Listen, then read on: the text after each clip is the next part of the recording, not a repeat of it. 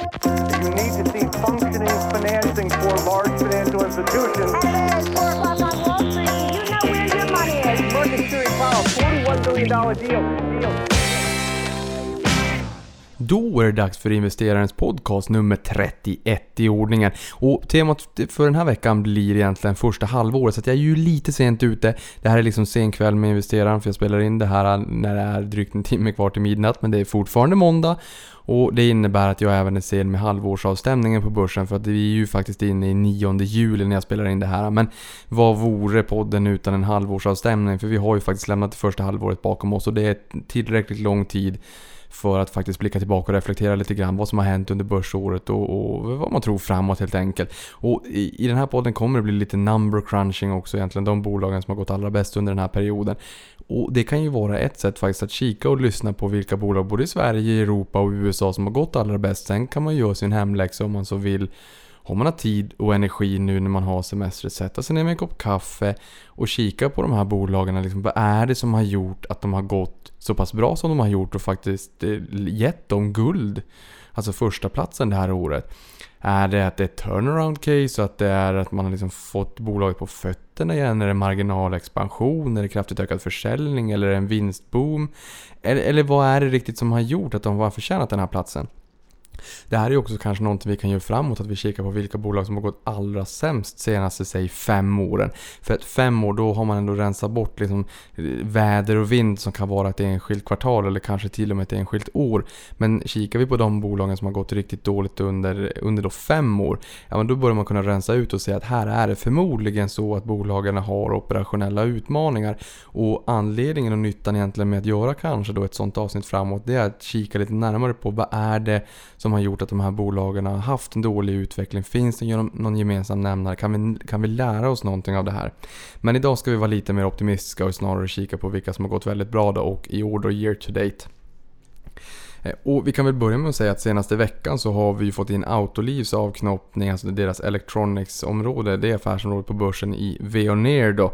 Och eh, den här startade på ganska bra för när man skilde av Veoneer från, eh, från, från Autoliv så föll kursen 334 kronor och 70 öre och det var ju ett villkor då 1 till 1, alltså ny gammal vals. Och det innebär då 1 till 1 som det var i det här förhållandet då, alltså ny gammal ny på vänster sida om kolontecknet och gammalt i höger sida om kolontecknet. Därav ny gammal vals, jag lärde mig det här av ordförande i Aktiespararna Boden för 10-12 år sedan. Och 1 till 1 innebär att man får en ny aktie per en gammal aktie.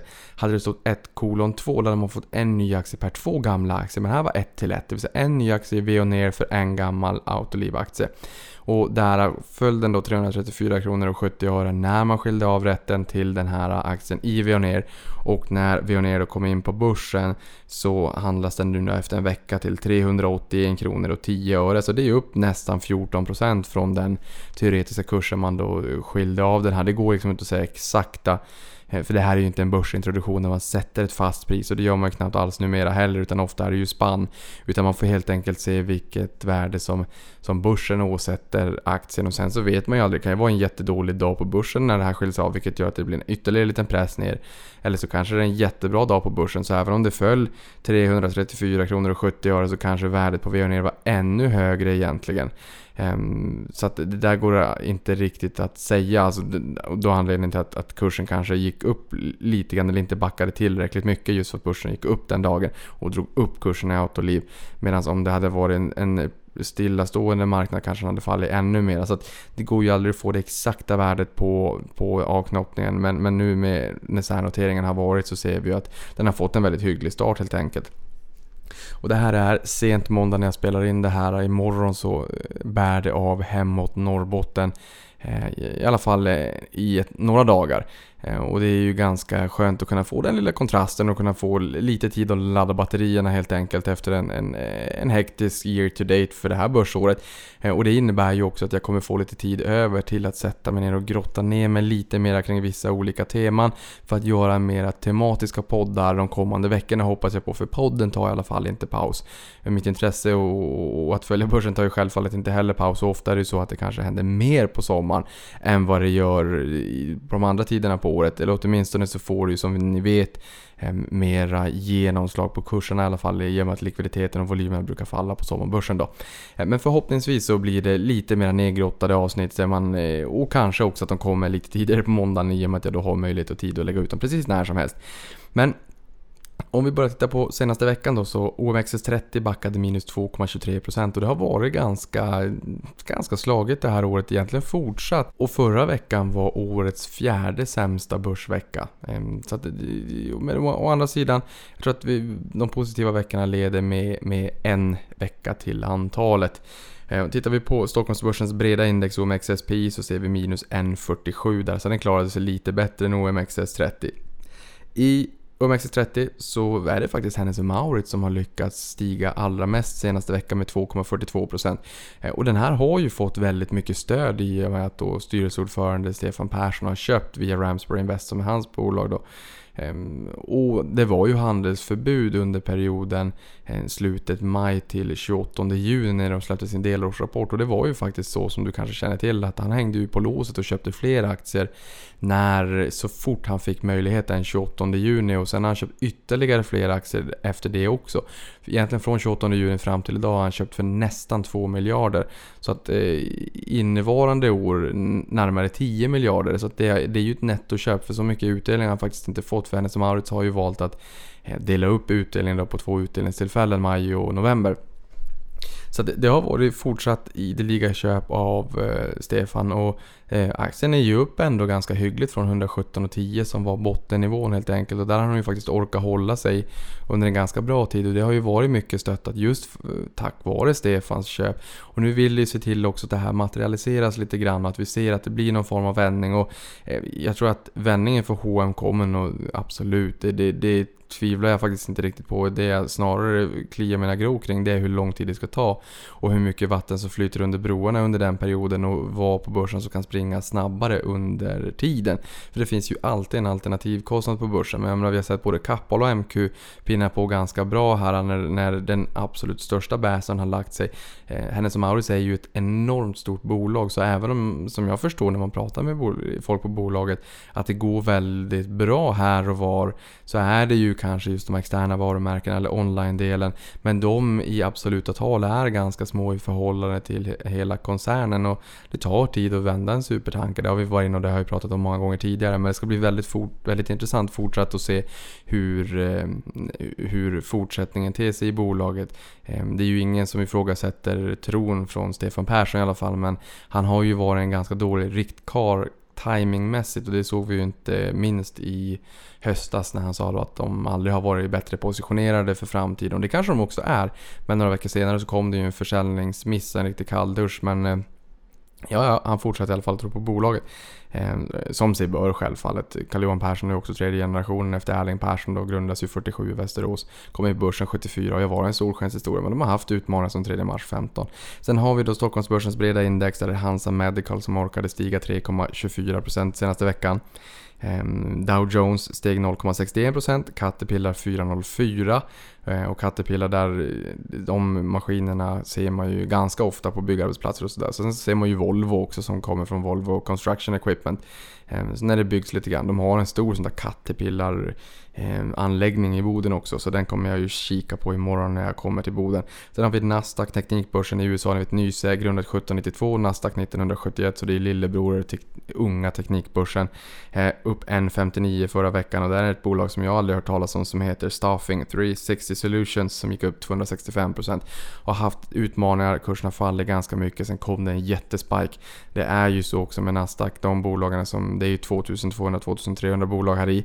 Ehm, det innebär att vissa bolagen kommer att gå väldigt, väldigt bra för det finns ett stort urval. Och är det så att ett bolag går så här mycket under en enskild vecka så vill det se till att man kikar på varför det är så. För ibland är det inte alltid så här för att bolaget har gått väldigt bra. Det kan vara tekniska faktorer också. Sen har vi S&P 500 upp 1,21 och där är Noble Energy som orkade stiga 4,6%. Och sist men inte minst så har vi Eurostox 50, alltså 50, 50 blue bolag i Europa.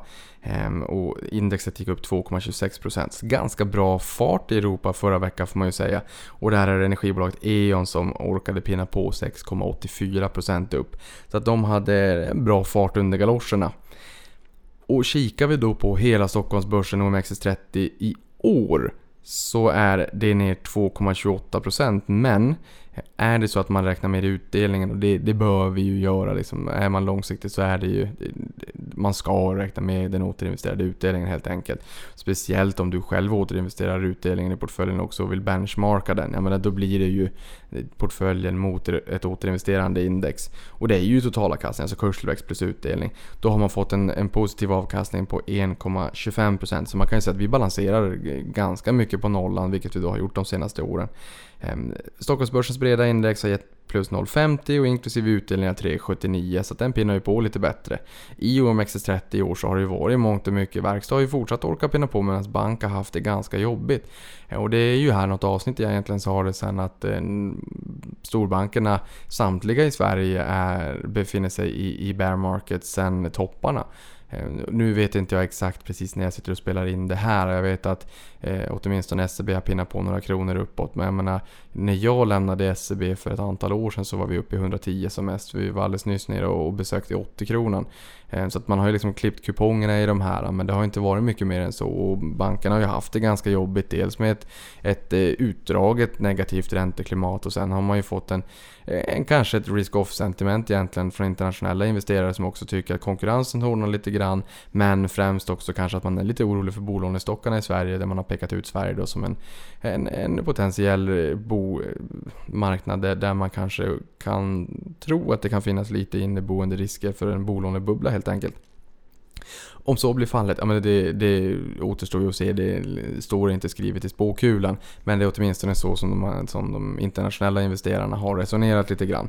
Ehm, och sen har vi Nasdaq 100, alltså de 100 största bolagen i Nasdaq i USA exklusive finansrelaterat som har orkat pinna på 13,75% så det är ju ändå en rätt hygglig uppgång får man ju säga. Och Nasdaq som helhet, alltså inte bara de 100 största utan eh, allihopa då, då är man upp 12,35 så att även där har man ju faktiskt orkat stiga väldigt mycket. Dow Jones däremot, eh, det får man väl anse vara de 30 mest viktiga bolagen för den amerikanska börsen. Ehm, anno 1896, det äldsta indexet i USA, den har orkat pinna upp 0,23% så där ligger man faktiskt ganska flät för hela året. Ehm, det är i mångt och mycket tech som har drivit börsen och fortsätter driva också. Och tech har ju det här året orkat upp över 26% av indexsammansättningen både i S&P 500 och i Nasdaq. Jag menar när jag var i USA i fjol i november så vet jag att vi låg på 25% så att man har orkat pinna upp en procentenhet till ehm, helt enkelt. Och det innebär ju också att för kapital som är passivt, alltså index, eh, förvaltat kapital och ehm, kanske passiva ETFer och allt vad det kan tänkas vara. Och där eh, får man ju rätt stor exponering mot just tech för att det har blivit en stor del av index. Och ju mer pengar det kommer in i, i Eh, de passiva lösningar desto mer pengar kommer ju in i tech ytterligare eftersom att om man då ska följa indexsammansättningen då kommer det ju vara kring en fjärdedel tech så att det, liksom, det blir ett självspelande piano lite grann. Eh, och sen har vi S&P 500 flat för året. Eh, den, det indexet, om man så alltså får kalla det för index, som har stigit mest i år i USA är ju CBO i Volatility Index. Eh, Chicago Board of Options Exchange och det, det är ju alltså volatilitetsindex eller det man kallar för VIX alternativt skräckindex. Kärt barn har ju många namn. Eh, Medan Russell 2000, alltså småbolag, är upp 11,02% och det här kommer jag ihåg 8-9 november 2016. 8 november i USA, 9 november när vi vaknade i Sverige när Donald Trump hade blivit president. Eh, och man började prata än mer om just skattereformen. Då ville man egentligen ner från eh, från, alltså ner till, då till eh, 15% i skatt. Så blev det ju inte i slutändan. Eh, men där, där sa man på de här eh, Russell 2000-bolagen, alltså i det indexet, att det skulle vara en engångseffekt på EPS, alltså vinst per aktie på 28%. Så du fick ju ett jätterally i det här indexet. Ehm, och sen har vi ju S&P Small Cap 600 som är upp 12,93 så nästan eh, 13% då. Och det har varit lite skakigt i år på svenska börsen. Jag menar, ni kanske kommer ihåg 2 februari, non-farm payroll, alltså sysselsättningsstatistiken utanför jordbrukssektorn i USA. Jag har sagt det förut, jag säger det igen, en gång i tiden så mätte man eh, sysselsättningen utanför jordbrukssektorn därför att jordbrukssektorn var den största sektorn i amerikansk ekonomi. Så ser det inte riktigt ut i dagsläget.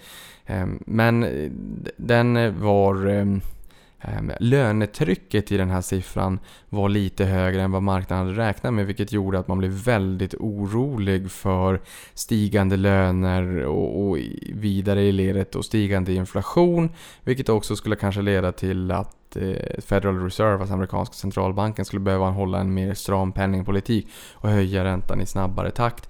Eh, vilket också gör att eh, Eh, räntorna stiger. Eh, amerikanska tioåringen var uppe och snuddade på 3. Jag tror att den var runt 3,06-3,07%. Det här sätter skräck i marknaden. Och man har ju pratat tidigare om eh, TINA, there is no alternative. Och nu börjar det bli ett alternativ.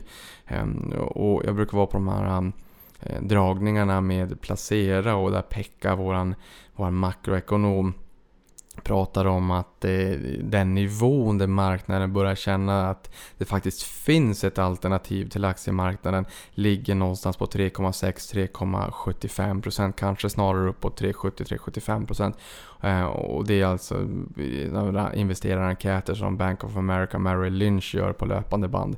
Eh, och, och då är det ju en bit upp dit men det är ju inte, det är ju inte jätte jättelångt. Och jag menar, det, det, är klart att vi har ju sett rusningar tidigare på räntorna men än så länge så, så kanske marknaden fortsatt favoriserar aktiemarknaden lite grann. Men vi börjar ju någonstans komma upp i en nivå där man ändå börjar titta på, eh, på riskfria tillgångar inom citationstecken just då på, på räntesidan. Så det återstår ju att se om vi kanske under andra halvåret 2018 kan få lite mera stök just av den anledningen. Det har vi fått i alla fall i inledningen på det här året. Sen för de som är tekniskt lagda så har vi också fått lite stök men eh, där börsen faktiskt har vänt på MA200. Alltså 200 dagars glidande medelvärde då S&P 500 har varit nere och touchat på, på Ehm, den här nivån. Och det visar ju egentligen ungefär som jag brukar säga att teknisk analys är en självuppfyllande profetia för om nog många tror på det, ja det innebär ju att nog många kommer titta på det, det innebär att nog många eh, algoritmer och, och, och eh, datorstyrda eh, förvaltningsstrategier kommer att peta in i sina modeller att MA200 som en av flera komponenter, faktorer att kika på. Och det innebär ju liksom att det här blir en, en eh, siffra eller en nivå man tittar på och agerar ut efter. Ehm, så att, eh, och jag pratade med, med en person här för vi lunchade för, vad kan det vara, ett halvår sedan eller något sånt där. Tiden går ju väldigt fort. Och det var fascinerande att lyssna till. Han hade byggt en egen robot. Eh, och, och just när han berättade att en stor del av de algosarna, robotarna där ute är programmerade på i princip samma sätt. Så jag menar, jag brukar säga att vi människor är ett flockdjur, vi har ett flockbeteende eller flockmentalitet. Om vi står vid ett rödljus och alla står och väntar snällt och glatt eh, medan det kommer någon som eh, bara går mot rött rakt över gatan så kommer väldigt många andra följa efter. Ganska intressant också om, om datorer som vi någonstans kanske tror är strängt kalkylerande, nyttomaximerande och inte agerar på känslor och allt vad det kan tänkas vara. Att de också får någon form av flockmentalitet för det såg vi ju. Eh, fredag den 2 februari kom siffran. Den 5 februari på måndag så var det jättestök. Eh, Johan Thorén på Strand som också har varit gästa podden och även Jonas Olavi sa ju det att li lite olika eh, teorier men, men eh, där Johan Thorén då tyckte att jo men det här kanske kan bero på att man då plockar hem folket eh, på de olika analyshusen runt om i världen under helgen och funderar på okej okay, det här har hänt. Det kanske är ett risk-off sentiment i marknaden. Hur agerar vi? Och att man då säger så här, jo men vi säljer de, eh, de tillgångarna som, eh, som har en högst slagighet just nu. Vi, vi, vi tar bort aktier, vi sänker aktievikten helt enkelt. Man kanske har en aktievikt på 70%.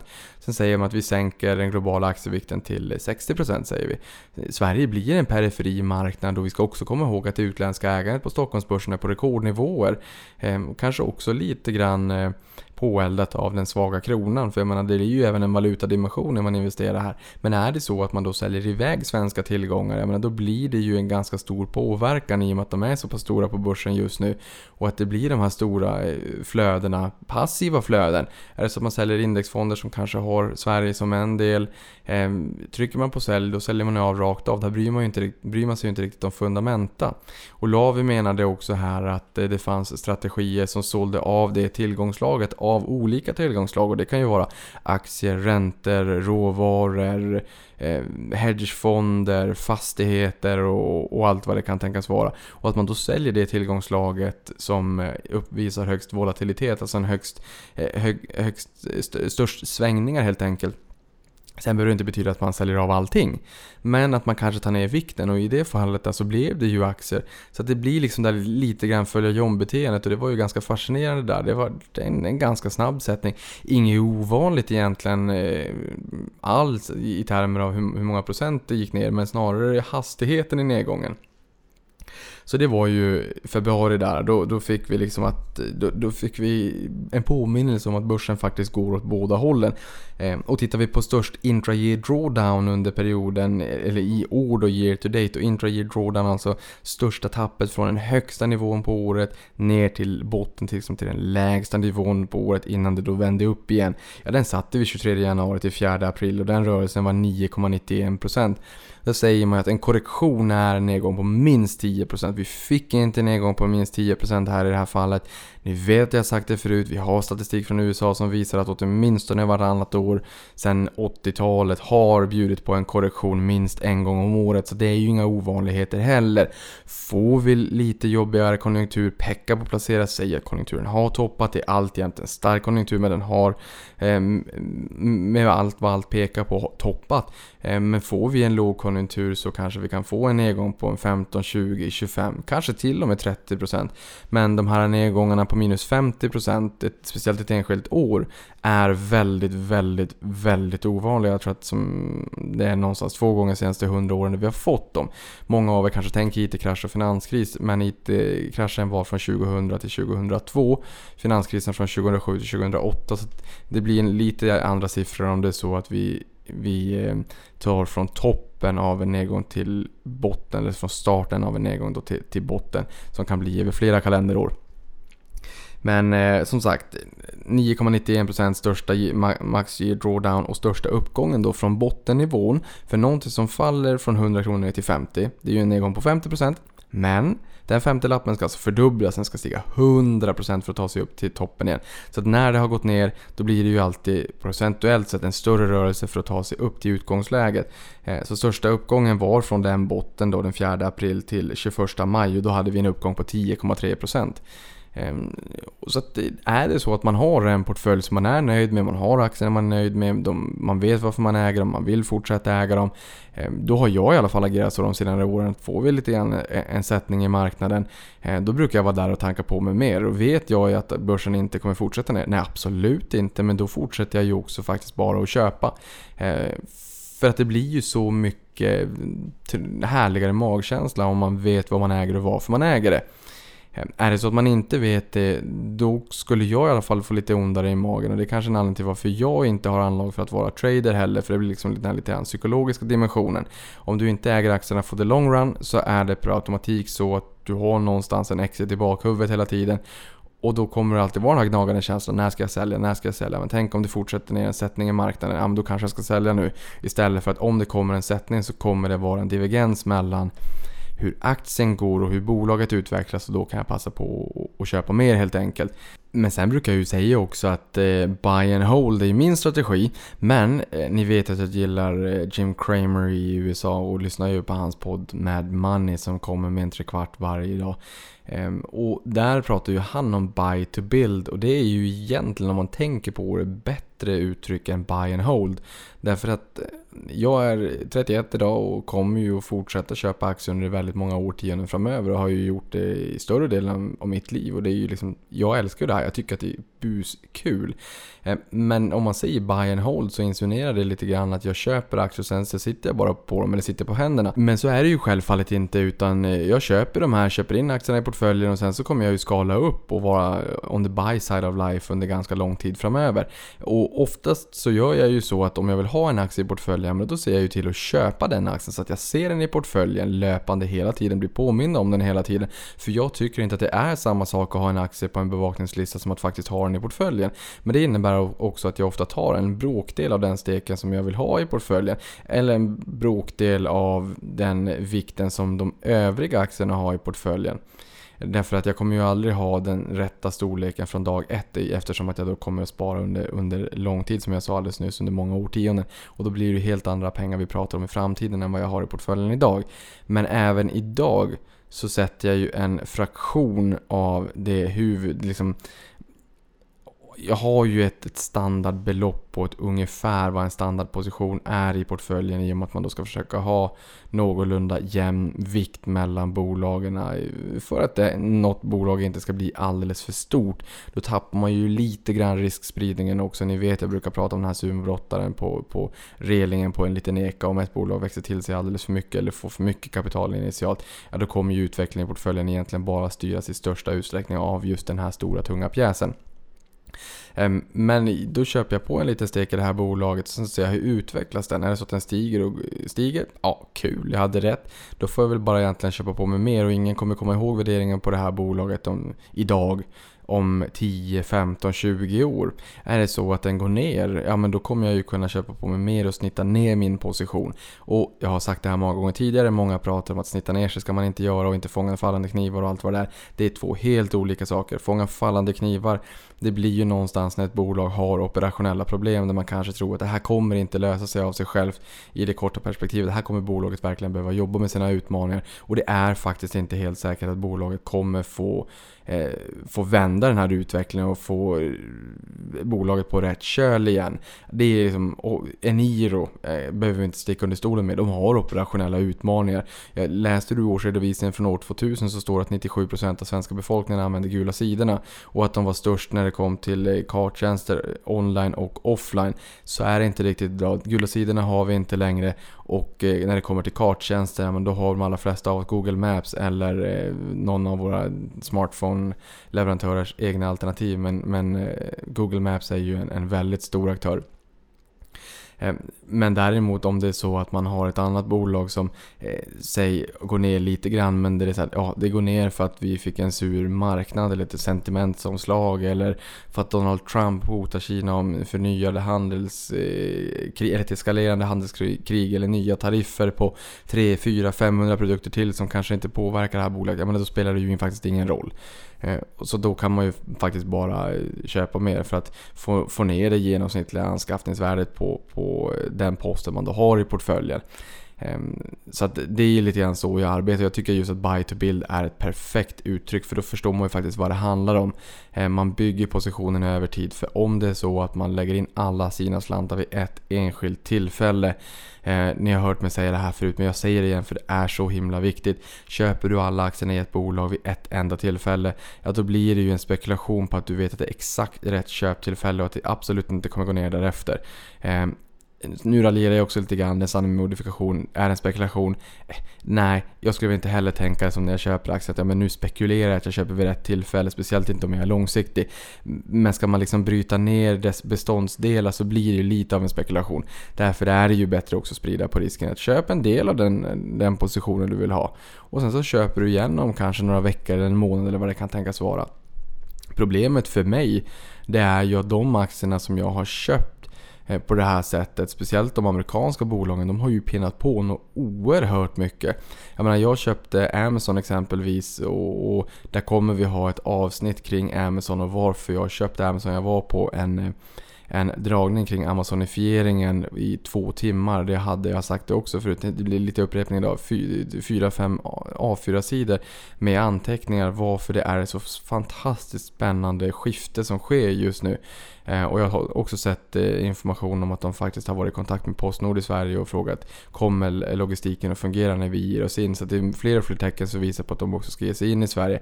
Nåväl, den här personen eh, på Sea Worldwide som pratade om Amazonifieringen kommer också att komma till podden så att ni själva får lyssna till honom där han berättar om varför det är spännande. Sen betyder inte det att Amazon är vinnarna i slutändan men det är fortfarande ett väldigt spännande skifte just nu kring hur vi som konsumenter förändrar våra köpbeteenden. Så det, jag ser verkligen fram emot den podden och kunna eh, bjuda på det. Men oavsett, min poäng där var egentligen då att jag köpte aktier i Amazon eh, den där fredagen när de kom med rapport och aktien steg över 1000 dollar. Och sen förbannade jag mig själv att jag inte hade köpt aktierna tidigare. Nu står aktien senast jag kollade ikväll i 1735 dollar per aktie. Ehm, och där kanske några av, kanske du som lyssnar på det här kommer tycka jo, fast Niklas, det kanske snarare är ett tecken på bubbla. Ja, alltså jag tror på den underliggande drivkraften. Jag tror oerhört mycket på den underliggande drivkraften i e-handel som en av många olika nischer med en strukturell tillväxt. Sen kan det ju vara så att en aktie pinnar på alldeles för snabbt i det korta perspektivet. Vilket gör att den kanske faller tillbaka lite grann och det kanske bara är sunt. Då tycker jag sådär att när man har köpt på sig någonting, om det faller tillbaka efter att det har gått upp mycket, det kanske är sunt, passa på och köp lite mer. Ehm, för att över tid så kommer den där takten att liksom hitta på igen och fortsätta stiga. Men, eh, men eh, min poäng här med just det här buy to build, att jag köper in mig i små positioner. Ja, det jag har sett är att många av de bolagen jag har köpt små bevakningspositioner, där har de pinnat på oerhört mycket. Och det är klart, det blir lite segt för då känner man så jaha, jo jag skulle vilja ha köpt större position från början. Men man får liksom inte heller glömma bort Ehm, det, den strategin man då har just att man bygger i små positioner över tid. För som sagt, ingen kommer komma ihåg värderingen om 10-15 år. Är det ett bra case, kommer den fortsätta pinna på så kommer den här rörelsen idag, närmaste kvartalet, halvåret, inte ha så stor betydelse. Eh, och jag tror att vi kommer att prata lite mer om det här i något avsnitt under sommaren också. Vi har gjort det tidigare, pratat pengar, just investeringsregler och varför det är så viktigt att förhålla sig till dem och att det är viktigt att du hittar din egen investeringsstrategi, dina egna investeringsregler och försöker hålla dig till dem. För oftast när det går snett så är det när man försöker sväva ut lite grann och göra abrovinker som man egentligen vet att man inte ska göra. Men hörni, tittar vi på värderingen på den amerikanska börsen så, i, eh, så är den 16 gånger årsvinsten för Dow Jones, 26 gånger årsvinsten för Russell 2000, småbolagen där då, 21 gånger årsvinsten för Nasdaq 100 och 17 gånger årsvinsten för S&P 500. Ehm, de flesta av de här har gått ner lite grann senaste året i takt med vinsttillväxt. Ehm, men det är ju alltjämt, för vissa av dem i alla fall, eh, ganska hyggligt höga nivåer. Men nu blir det lite number crunching innan vi går in på nyhetssvepet och då eh, ska jag egentligen bara gå igenom de aktierna som har haft bäst utveckling year to date. Eh, så du kan ju fånga upp ett och annat namn om du tycker att de är intressanta. Grotta ner dig över en kopp kaffe i sommar och kika på varför har den här aktien gått så pass bra som den har gjort? Och vad kan jag lära mig av? Vad har drivkrafterna varit? För att försöka liksom bli lite klok kring vilka drivkrafter, vilka triggers kan det finnas i kanske just mina bolag jag äger Ehm, för en bra resa framåt. Och som jag sa tidigare, det kan ju vara att man har fått ett jättefin försäljningsutveckling, kanske att man, det är ett turnaround case, eller att man har fått en marginalexpansion, eller att man har sett kraftigt stigande vinst i bolaget. Eller vad det kan tänkas vara. Det är liksom förmodligen lika många olika förklaringar som vad det finns vinnare på börsen. Men i OMXS30, ehm, de 30 mest omsatta aktierna på Stockholmsbörsen så har vi Swedish Match plus eh, 45% year to date. Så det har ju varit en fenomenal resa i det här bolaget och Ehm, jag har sagt det tidigare också men eh, man har ju återköpt eh, närmare hälften av aktierna sedan 97-98 när man kom in på börsen. Ericsson, eh, en av Sveriges folkaktier får man ju säga, har pinnat på riktigt ordentligt, upp 28% i år. Och sen har vi Autoliv som är upp 22% och det sa jag ju innan också då att man har eh, avknoppat och särnoterat Veoneer som är eh, Electronics, det affärsområdet för aktiv säkerhet medan det nuvarande Autoliv som är kvar på börsen då i, under namnet Autoliv. Det är ju den traditionella delen, alltså bilbälten, krockkuddar etc. Sen har vi OMXSP, Stockholmsbörsens breda index. Då har vi BioArctic som är upp 244%. Den steg 250% i fredags. Fortsätter upp ganska hyggligt idag också. Där har man ju fått positiv och stark data för ett läkemedel mot tidig Alzheimer som är den eh, vanligaste anledningen till eh, tidig demens. Så att det här är ju både roligt för aktieägarna men det är även roligt för mänskligheten också för att det eh, finns väldigt många obehagliga sjukdomar där ute och Alzheimers är eh, en av dem. Så att det är roligt att, eh, att det går framåt helt enkelt på området. Jag kommer även att gästas av Lars Frick på Börsveckan som är fantastiskt duktig på just medtech, biotechbolag och har även vunnit pris för det här i år ganska nyligen. Eh, som kommer här efter semestern att eh, gästa podden och prata lite grann om hur man tänker kring den här typen av bolag. För det är ju inte busenkelt. Eh, speciellt inte för en lekman som mig men Eh, Eh, det är ju fortsatt intressant kanske för vissa att ha som en krydda i portföljen men jag vill göra mitt yttersta bara för att kunna skänka den kunskapen just till dig om det så att du är nyfiken för hur man ska tänka och hur man lättast gör för att undvika fallgroparna helt enkelt för att öka, risk, öka risken, öka sannolikheten lite grann i alla fall att just du inte trillar i, i någon klassisk fälla. Sen har vi Oncopeptide som är upp 151% och Wilson Therapeutics som är upp 126% och de fick ju ett bud på sig också.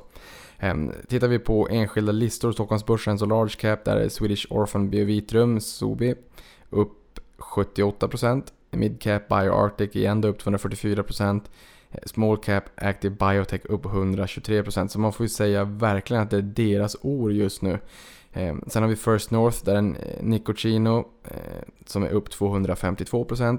Här är det ju något eh, substitut egentligen till vanliga cigaretter. Och jag lurades lite grann på avkastningen där också för att vid, när, vid närmare anblick så ser jag att det faktiskt är 292% inte 252%. Och sen har vi aktietorget som har bytt namn till eh, Spotlight under året. Där har vi Ecoclime upp 298%.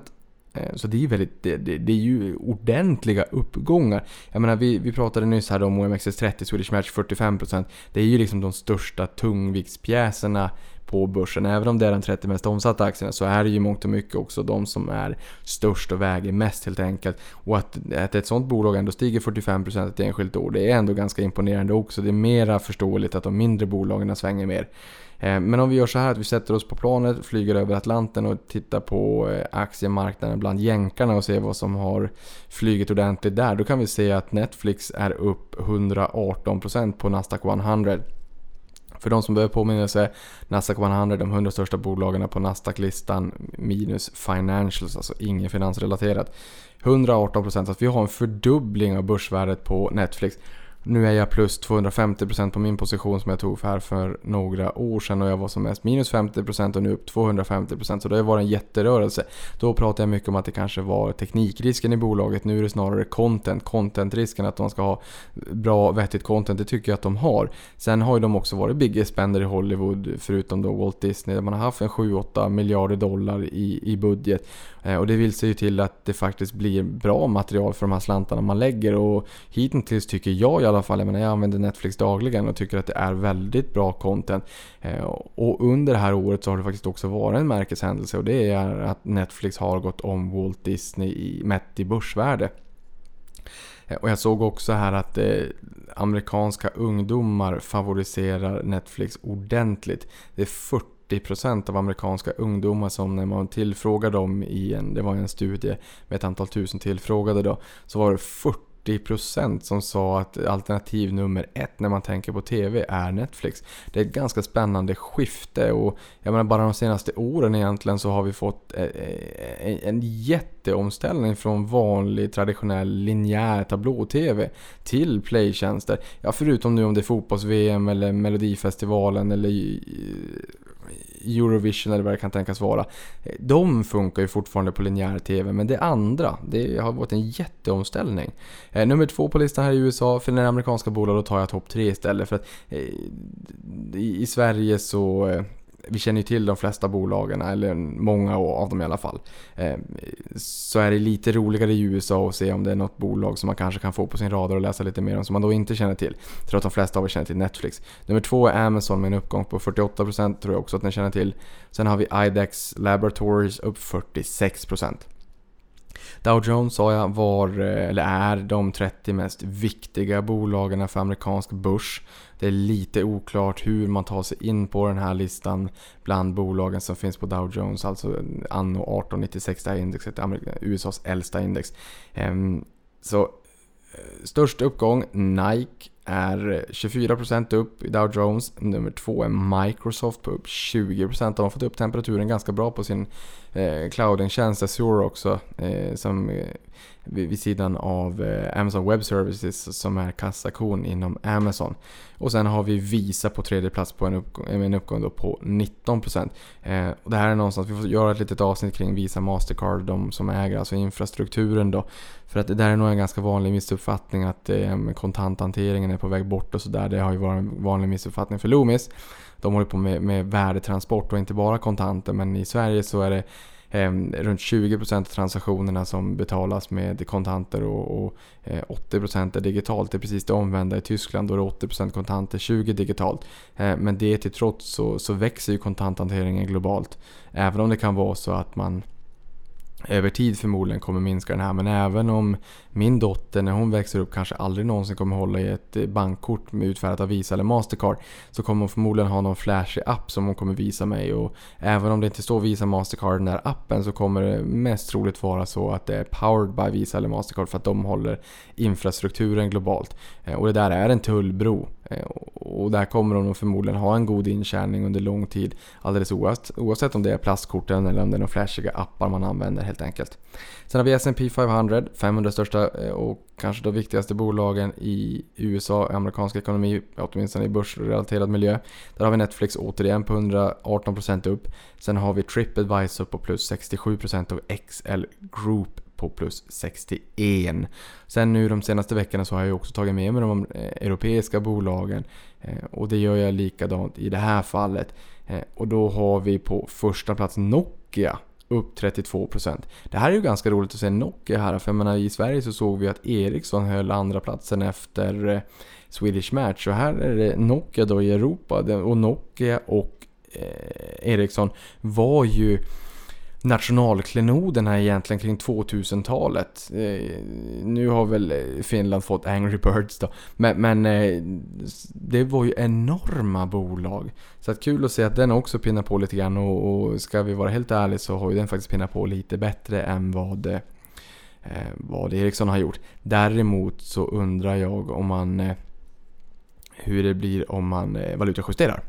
Sen har vi Safran plus 22% och Airbus, eh, konkurrent till amerikanska Boeing, då upp 22% den också. Sen ett bolag, eller en akronym som är vanlig, som jag tror att du känner till, det är ju FANG. FANGs aktierna då, Facebook, Amazon, Alphabet, Netflix och Google. Apple har väl fått komma in i, i slutet då. Det har ju tidigare då varit bara Amazon som ett A, men nu är det 2A.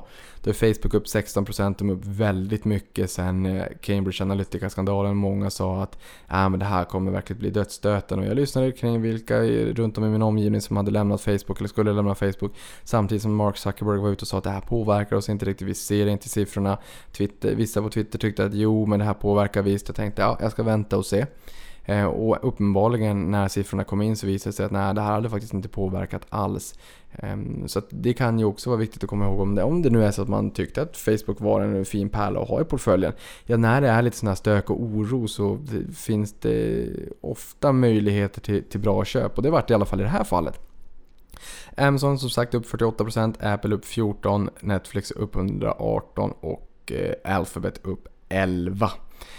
Så det är väl en liten sammanfattning egentligen över börsåret. Och Eh, förutom de poddarna som jag kommer ha nu framåt i sommar som kommer vara lite mer tematiska så kommer jag också i slutet på sommaren bjuda in både Marcus Hernhag som kommer prata om eh, sin investeringsfilosofi och sina böcker mest troligt eh, utgår jag ifrån. Och sen så har jag även med Anders från SEB, eller han var tidigare i alla fall, min, i min värld investeringsguru när det kommer till råvaror för att jag har fått en del frågningar Eh, av er på i främst Twitter då att ni är nyfikna på råvaror och då vill jag ju bjuda in någon som jag vet är riktigt, riktigt duktig på det här. Och är det någon som är det så är det Anders. Han älskar råvaror, ut och föreläser runt om i världen olika, och även då på olika råvaruseminarier och höll och ansvarade för råvarudelen på SCB enskilda.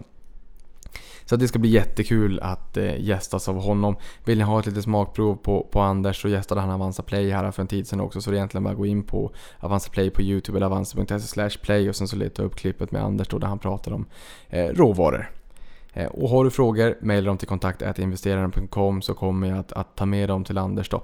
Eh, och som sagt, är det så att du mejlar mig här under sommaren så kommer jag mest troligt ha lite mer tid att försöka kunna svara på det ganska rappt. Och för dig, är det så att du har mejlat in tidigare och inte fått något svar, jag tycker det är jättekul när jag hör av er, jag läser allting. Men i, i vardagsbruset så har jag ibland lite utmanande svårt att försöka hinna med allting, men jag läser allting i alla fall.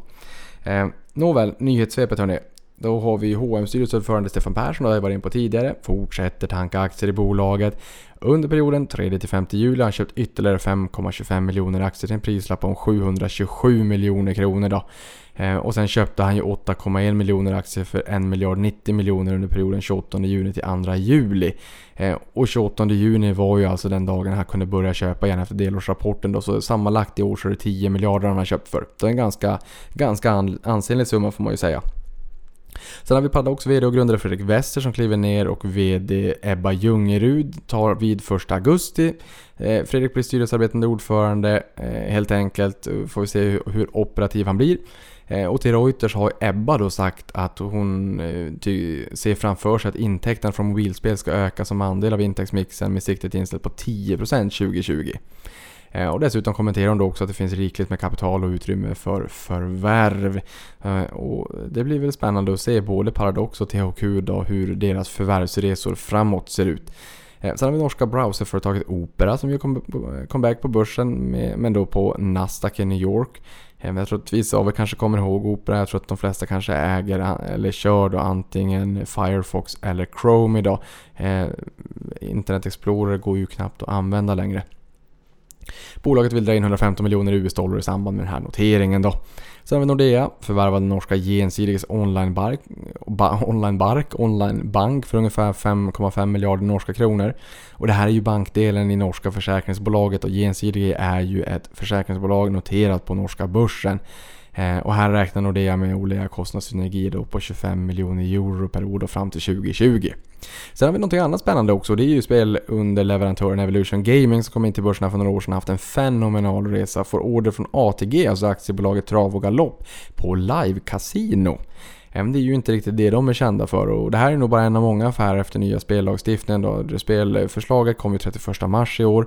Sen kom ju eh, besked då om att ny spellagstiftning införs 19 januari 2019 så det är ju ganska snart. Och här levererar de också en komplett live lösning till Svenska Spel. Det är Sveriges största spelbolag av eh, förklarliga naturliga skäl när det har varit ett eh, monopol. Ehm, men det här är intressant av underleverantörerna. Operatörerna kommer nog få det kanske lite jobbigare, lite högre konkurrens. Samtidigt som de också kommer kunna marknadsföra sig på ett helt annat sätt än vad man har gjort tidigare. Och här kommer jag med Peter Hedlund från Börsveckan som är expert på Eh, spelbolagen för att se hur man ska tänka helt enkelt. Och om det är operatörer, leverantörer eller affiliate som, eh, som kanske har framtiden för sig. Sen har vi rekordintäkter för biograferna i USA under Q2 där de bringade in 3,33 miljarder US-dollar. Tidigare kvartalet eh, kvartalsrekordet låg på 3,09 då från 2015. Eh, och det här framgår av ett pressmeddelande från AMC och vars aktier då AMC Entertainment Holdings är noterade i USA. Synd att Ratos sålde Nordic Cinema Group eh, och det ägs faktiskt nu av just AMC också. Ehm, Ratos har ju haft lite utmaningar att man har sålt bort guldkornen och behållit det kanske de lite segare bolagen.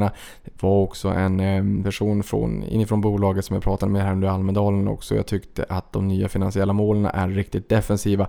Den här personen kunde inte annat än, än fullt, helt till, till fullo instämma i det här. Ehm, och det är lite synd för att det är ju självklart så att Ratos som investerar i onoterade bolag ska ha målet och siktet inställt på att leverera en avkastning som är bättre än börsen i stort. Eh, vi får helt enkelt se hur utmaningarna i Rato ser ut och hur de klarar av att tackla framtiden men eh, Nej, jag vill se lite, lite mera momentum i den där aktien. De har haft det lite jobbigt på, på senare tid men det återstår ju att se helt enkelt. Eh, Ragnar och Torsten Söderberg kommer nog fortsätta tuffa på men om det kommer att vara bättre än börsen, ja det återstår att se. Sen har vi Amazon som har varit i kontakt med Postnord, det har jag ju varit in på tidigare också, med frågor kring just logistik vid etablering i Sverige enligt kommunikationsdirektör Thomas Backdeman på Postnord. Eh, så att allt fler tecken tyder ju på att de faktiskt är på väg att göra sitt intåg i Sverige. Och är det nu så att de inte kommer nu och det tar lite tid och lite tid och lite tid, ja men då hoppas vi ju på Black Friday. Sen hoppas jag också på september med en ny iPhone också. Eh, det ska bli spännande att se vad de släpper. Men här Amazon, tillbaka till dem, så har de ju inte preciserat något datum när de har tänkt komma. Men intåget lär ju pressa i handlar och det har jag varit in på tidigare också. Här eh, pekar Postnord på att ett halvår efter intåget i Australien så hade priserna fallit med 16%. Eh, och här menar de kanske då att kläder, leksaker och hemelektronik löper störst risk att bli förlorare helt enkelt. Sen har vi amerikanska IPO-marknaden, alltså börsintroduktionen som har varit het under första halvåret. 120 företag har fått in 30. 35,2 miljarder US-dollar. Och det här är alltså då den högsta volymen sedan 2014. Eh, och bolagen som har noterats i år har i snitt stigit med 22% från noteringskursen där techbolagen sticker ut eh, där med en uppgång på hela 53% i snitt från noteringskursen. Det har ju varit formidabla eh, rusare helt enkelt när techbolagen har kommit in och det kanske också är för att tech lever i den bästa världen just nu. Det är väldigt mycket fokus på techbolagen. Eh, inte bara ja, liksom av förklarliga skäl, de går ju väldigt bra så att säga men, men eh, eh, inget går ju upp till himlen och det ska vi ju komma ihåg. Sen har vi S&P 500-bolagen som bjuder på rekordutdelningar under, första, under andra kvartalet på 124 miljarder US-dollar och det är en tillväxt på 11% jämfört med i fjol. Då. Och nu är det så att 83% av bolagen som ingår i indexet delar ut jämfört med 67% i fjol och 43 bolag behåller staten, eh, statusen utdelningsaristokrat. Alltså där man har höjt utdelningen 25 år i rad. Direktavkastningen är 1,92 jämfört med 1,97 för ett år sedan. Så att direktavkastningen är lite, lite lägre. Nu sa jag ju nyss att utdelning, eh, utdelningen har stigit med 11% men anledningen till varför direktavkastningen har fallit tillbaka lite grann.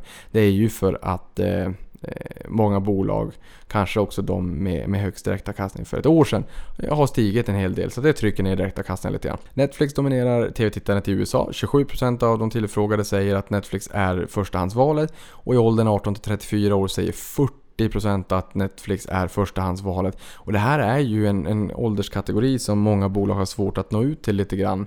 Eh, och Netflix har ju valt att inte ha någon reklam. Men skulle de införa det så skulle det ju rimligtvis vara väldigt, väldigt intressant för eh, många bolag att marknadsföra sig via den kanalen. Så man skulle förmodligen kunna ta väldigt bra betalt.